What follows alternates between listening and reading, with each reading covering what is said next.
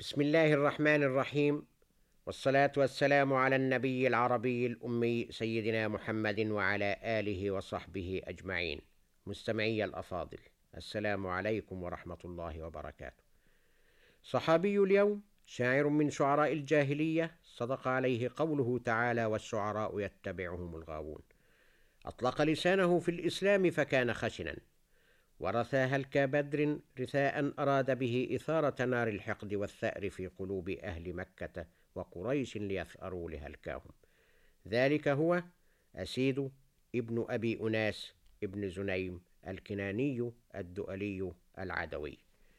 وقد ضبطه الأكثرون بفتح الهمزة والأقلون بضمها وإن ورد اسم أبيه في الإصابة بأبي إياس والصحيح ما ذكرنا. كره منه جماعة ما يقوله في الإسلام والمسلمين من هجو مرير. حتى الأقربون إليه فقد جاء إلى النبي عليه الصلاة والسلام وفد من عدي بن الديل وفيهم من كبارهم ووجوههم الحارث بن وهب وعويمر بن الأخرم وحبيب وربيعة ابن مسلمة. جاءوا إلى الرسول عليه السلام يتبرؤون إليه مما يقوله ابن جلدتهم أسيد ابن أبي أناس. ويعلنون إليه أنه شذ عنهم. فما سبوا الإسلام والمسلمين بسمتهم الذي اموا ولا هجوه إياهم بالأمر الذي يرتدونه فأباح الرسول دمه. ثم عرضوا على الرسول الكريم أن يقفوا منه ومن قريش موقفا لا يكونون فيه مع واحد منهما على الآخر.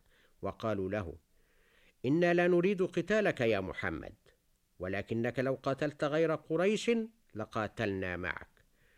ولم يكن ذلك منهم إيمانا بما عليه قريش من شرك.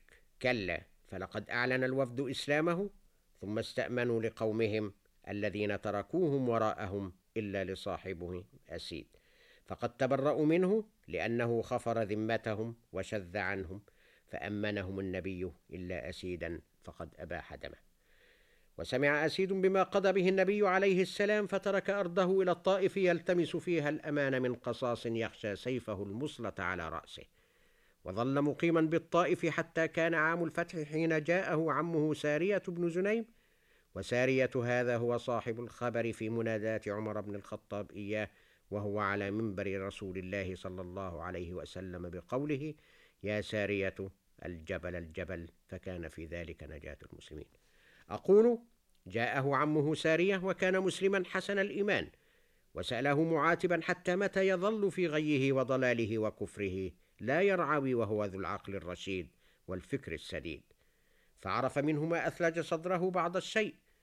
عرف أنه غير منكر للإسلام ولا لنبوة ابن عبد الله ولكنه خائف منه وقد أهدر دمه. فقال له عمه يا ابن أخي اخرج إليه فإنه لا يقتل من أتاه. واستعرض الهارب في ذهنه من جاءوا إلى الرسول وأقبلوا إليه معلنين إسلامهم وكيف أنه لم يخيب رجاء أحد فيهم. وعفى الله عما سلف والحكم لله وحده. وقال أسيد لنفسه وما لي لا أمضي إليه فلطالما قال محمد إن الإسلام يجب ما قبله وإن محمدا لصادق أمين.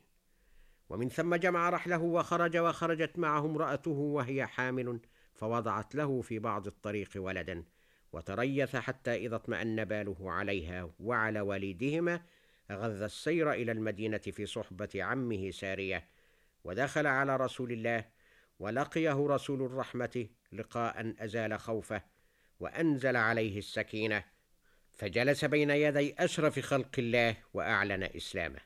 فأمنه الرسول الكريم ومسح وجهه وصدره فأنشده. وأنت الفتى تهدي معدا لدينها بل الله يهديها وقال لك اشهدي. فما حملت من ناقة فوق رحلها أبر وأوفى ذمة من محمد. وأنت رسول الله إنك قادر على كل حي متهمين ومنجد وكان أسيد حين قال صدر البيت وأنت الفتى تهدي معدا لدينها؟ قاطعه رسول الله قائلا بل الله يهديها. فقال أسيد بل الله يهديها وقال لك اشهدي. وصحب الرسول عليه السلام وحسن إسلامه وجاهد في الدين بيده ولسانه وراح ينشد المدح في علي بعد أن كان له ذاما وهاجيا في الجاهلية. مستمعي الكرام هذه قصة إسلام أسيد ابن أبي أناس ضاقت عليه الأرض بما رحبت ولكن نفسه كانت تواقة للإسلام فلما اطمأن باله نطق بالشهادتين وأحسن السيرة وشرف بالصحبة. ونستودعكم الله إلى غد إن شاء الله مع قصة إسلام صحابي آخر والسلام عليكم ورحمة الله وبركاته.